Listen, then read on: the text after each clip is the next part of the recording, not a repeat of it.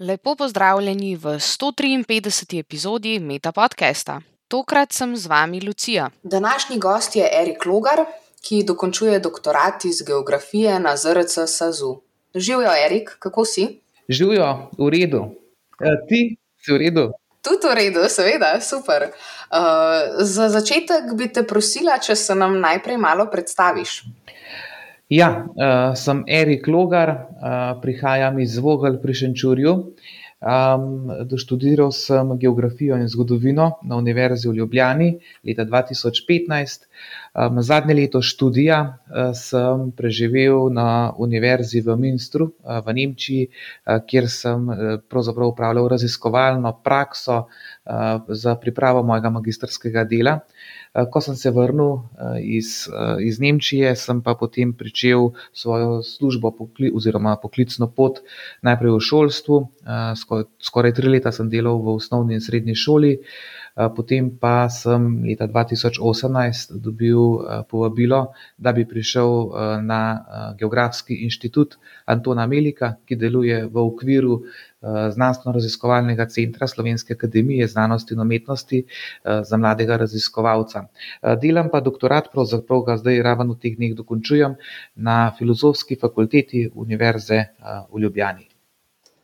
Ok, super, zanimivo v bistvu. Se pravi, tudi, tudi v tujini si bil, tudi to si izkusil, kar pa me v bistvu bolj zanima, je pa, da si učil v osnovni in srednji šoli.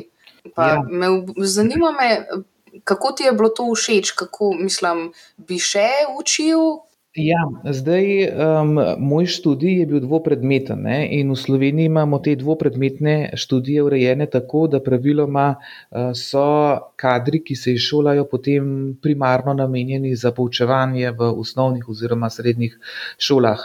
Uh, to je bil tudi moj namen, uh, jaz sem tudi oba predmeta sem oboževal uh, in pravzaprav ni bilo niti dileme, kaj želim po koncu študija delati.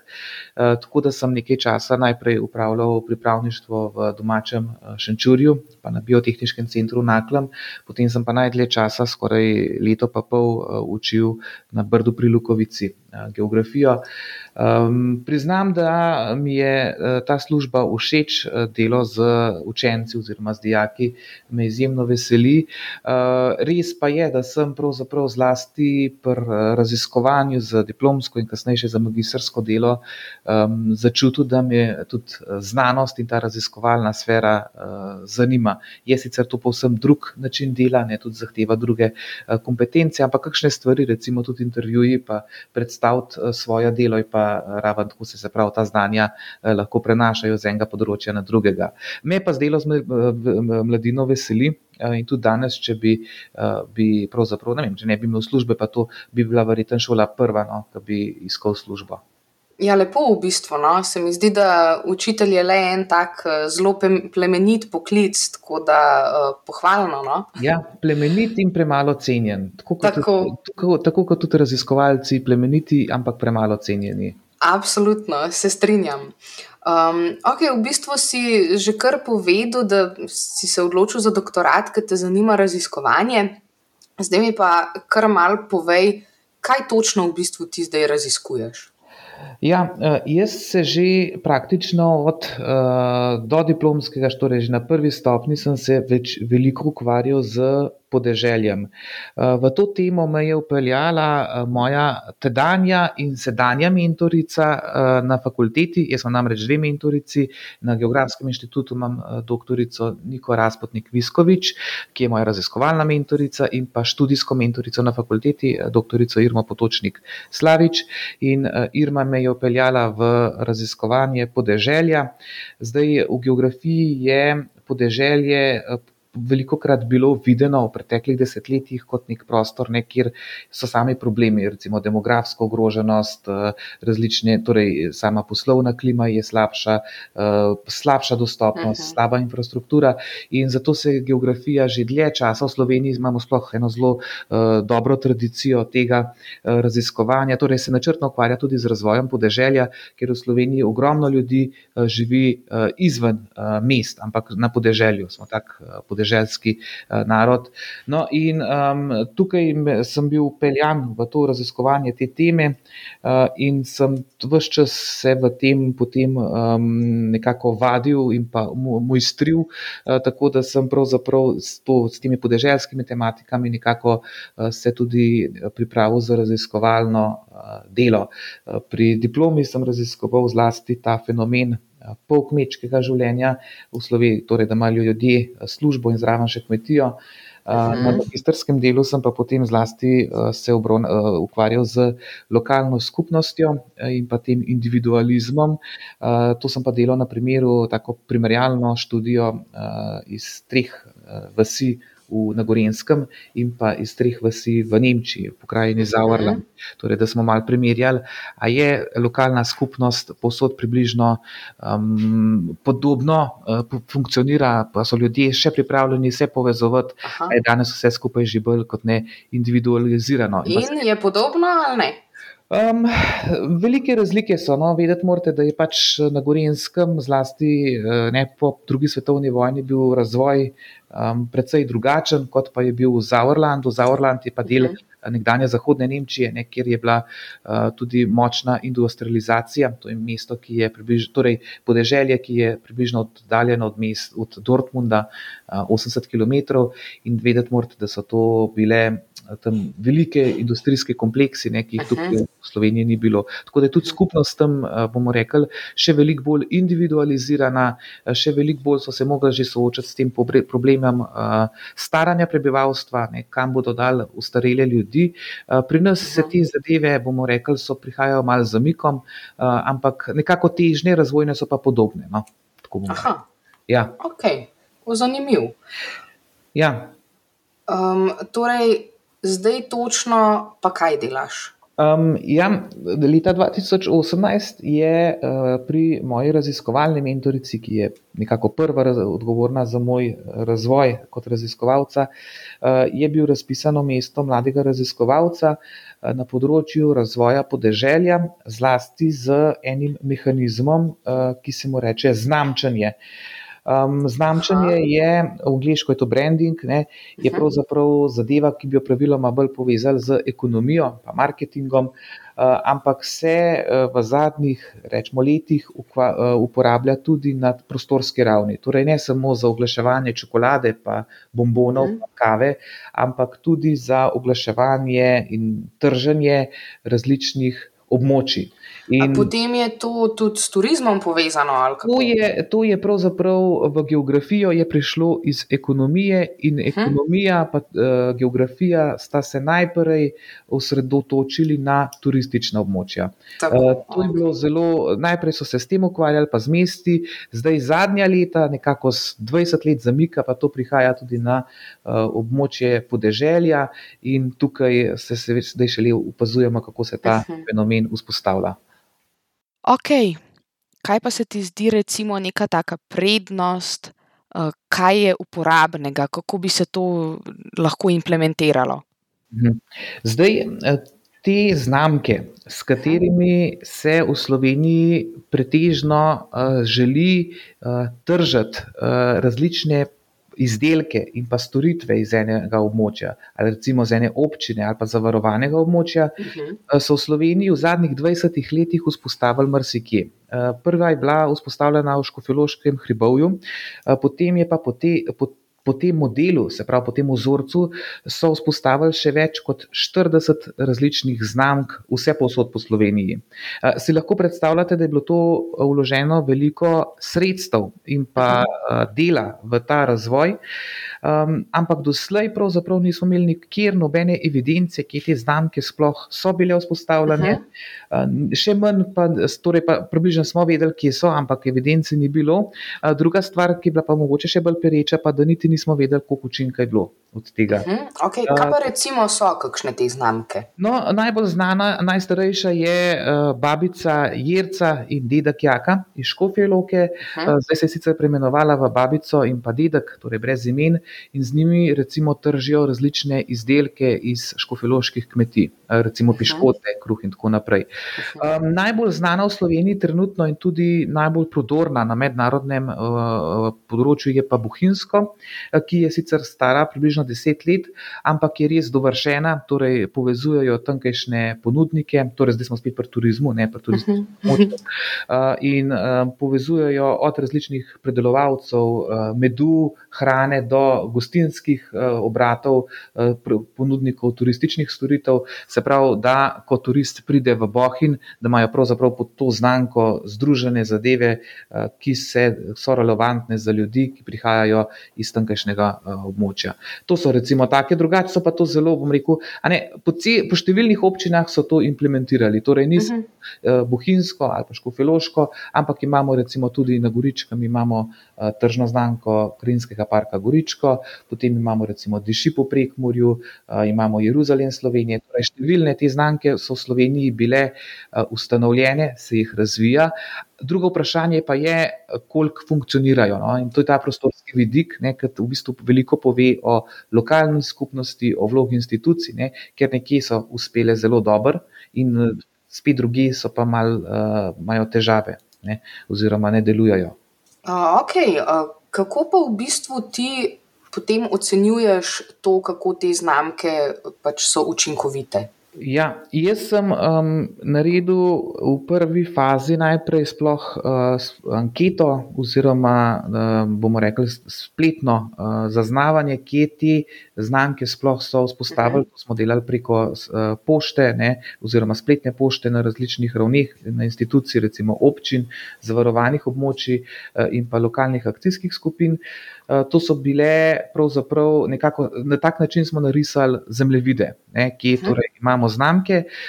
Potem sem pa vse te ljudi, upravnike znamk, večinoma so to zaposleni na občinah, sem jih obiskal, upravil sem preko 40 intervjujev, najprej z njimi, da smo dobili se pravi nek feedback, kakšne so njihove izkušnje s tem, kaj vidijo oni kot uh, doprinos in kje so izzivi. Um, na to pa, torej, najprej smo upravili 40 intervjujev, potem smo pa s pomočjo um, fokusnih skupin in pa tudi deloma intervjujev uh, osem znamk, ki delujejo še podrobneje, pogledali tudi na terenu, uh, se pravi v lokalni skupnosti, uh, pri ponudnikih, pri različnih drugih deležnikih, se pravi, da smo ugotovili, kaj pravzaprav je tisto, kar je ta uh, znamka doprinesla lokalnemu okolju. Se pravi, ne samo, da nekdo govori v imenu znamke po uradni dožnosti, ampak tudi tisti ljudje, ki s tem uh, se ukvarjajo, bomo rekli, ki so bile ciljne skupine. No, Se pravi, če jaz zdaj to prav razumem, ti boš najprej naredil vso evidenco teh znamk, ocenil boš, koliko so recimo bile učinkovite in kaj potem boš to naprej uporabil, da boš pomagal da bodo še bolj učinkovite. Ja, uh, najprej, uh, pravzaprav je to že vse narejeno, Aha, ker okay. jaz sem pri, praktično pri koncu doktorata. Seveda, najprej Super. smo naredili, uh, ja, to je pomemben, ne, ker je velik korak. Um, najprej smo naredili, seveda, ta kartografsko podlago, potem smo pa tudi, bomo rekli, naredili to en pač skušali smo prikazati razmere, kje danes te znamke so. Zdaj, eh, kakšen je pa output, se pravi tisto, kar bomo s tem doprinesli. Eh, najprej je seveda tukaj znanost in pa sama eh, področje geografije podeželja.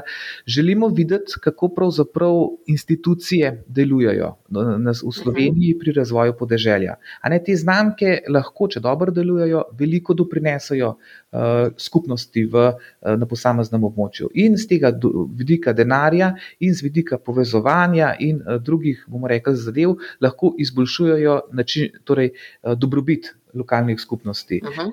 To je ena, torej, najprej čista, kako bomo rekli, znanstveni doprinos k strukturam, k razumevanju procesov na podeželju.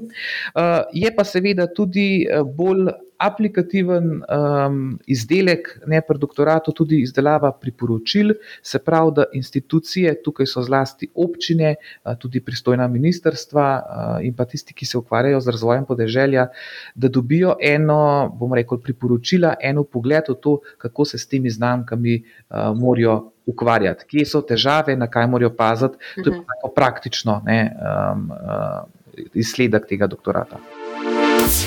Bi drugim doktorskim študentom predlagal kakšno tehniko za upravljanje s časom ali pa morda računalniški program, ki ti olajša delo in ti prihrani čas?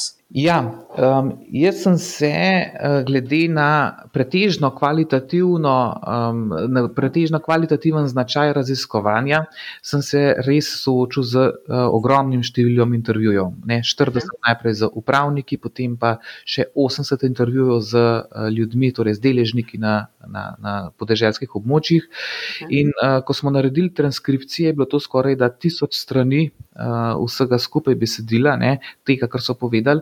In to bi bilo nemogoče ročno ne, analizirati, zato smo uporabili program Atlas ti, torej zapis je atlas.ti.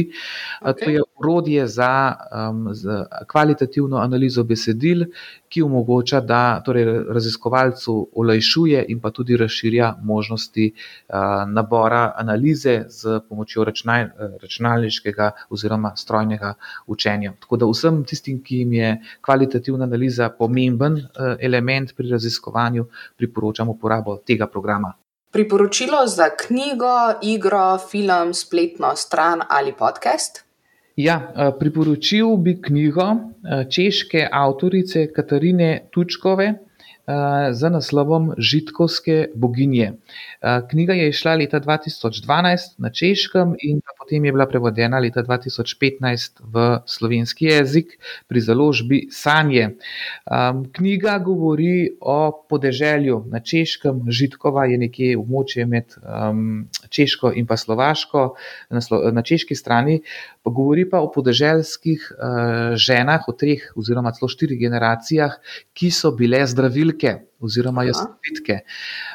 In opisuje, kako pravzaprav, to je zlasti e, v 20. stoletju, kako so te e, žene med sabo, torej kako je prehajala e, to znanje in ta dar iz generacije v generacijo, in kako pravzaprav jih je lokalna skupnost cenila, oziroma kako je gledala na njih, in tudi kako je zlasti v času komunizma na Češkem, na Češko-Slovaškem, kako pravzaprav je bila oblast do njih nezaupljiva in kako so jih vse čas nadzorovali. Taka zanimiva zgodba, kjer se prepleta podeželje, kjer se prepleta slovanska kultura, ampak tudi ta zdravilskost ne, in super knjiga priporočam.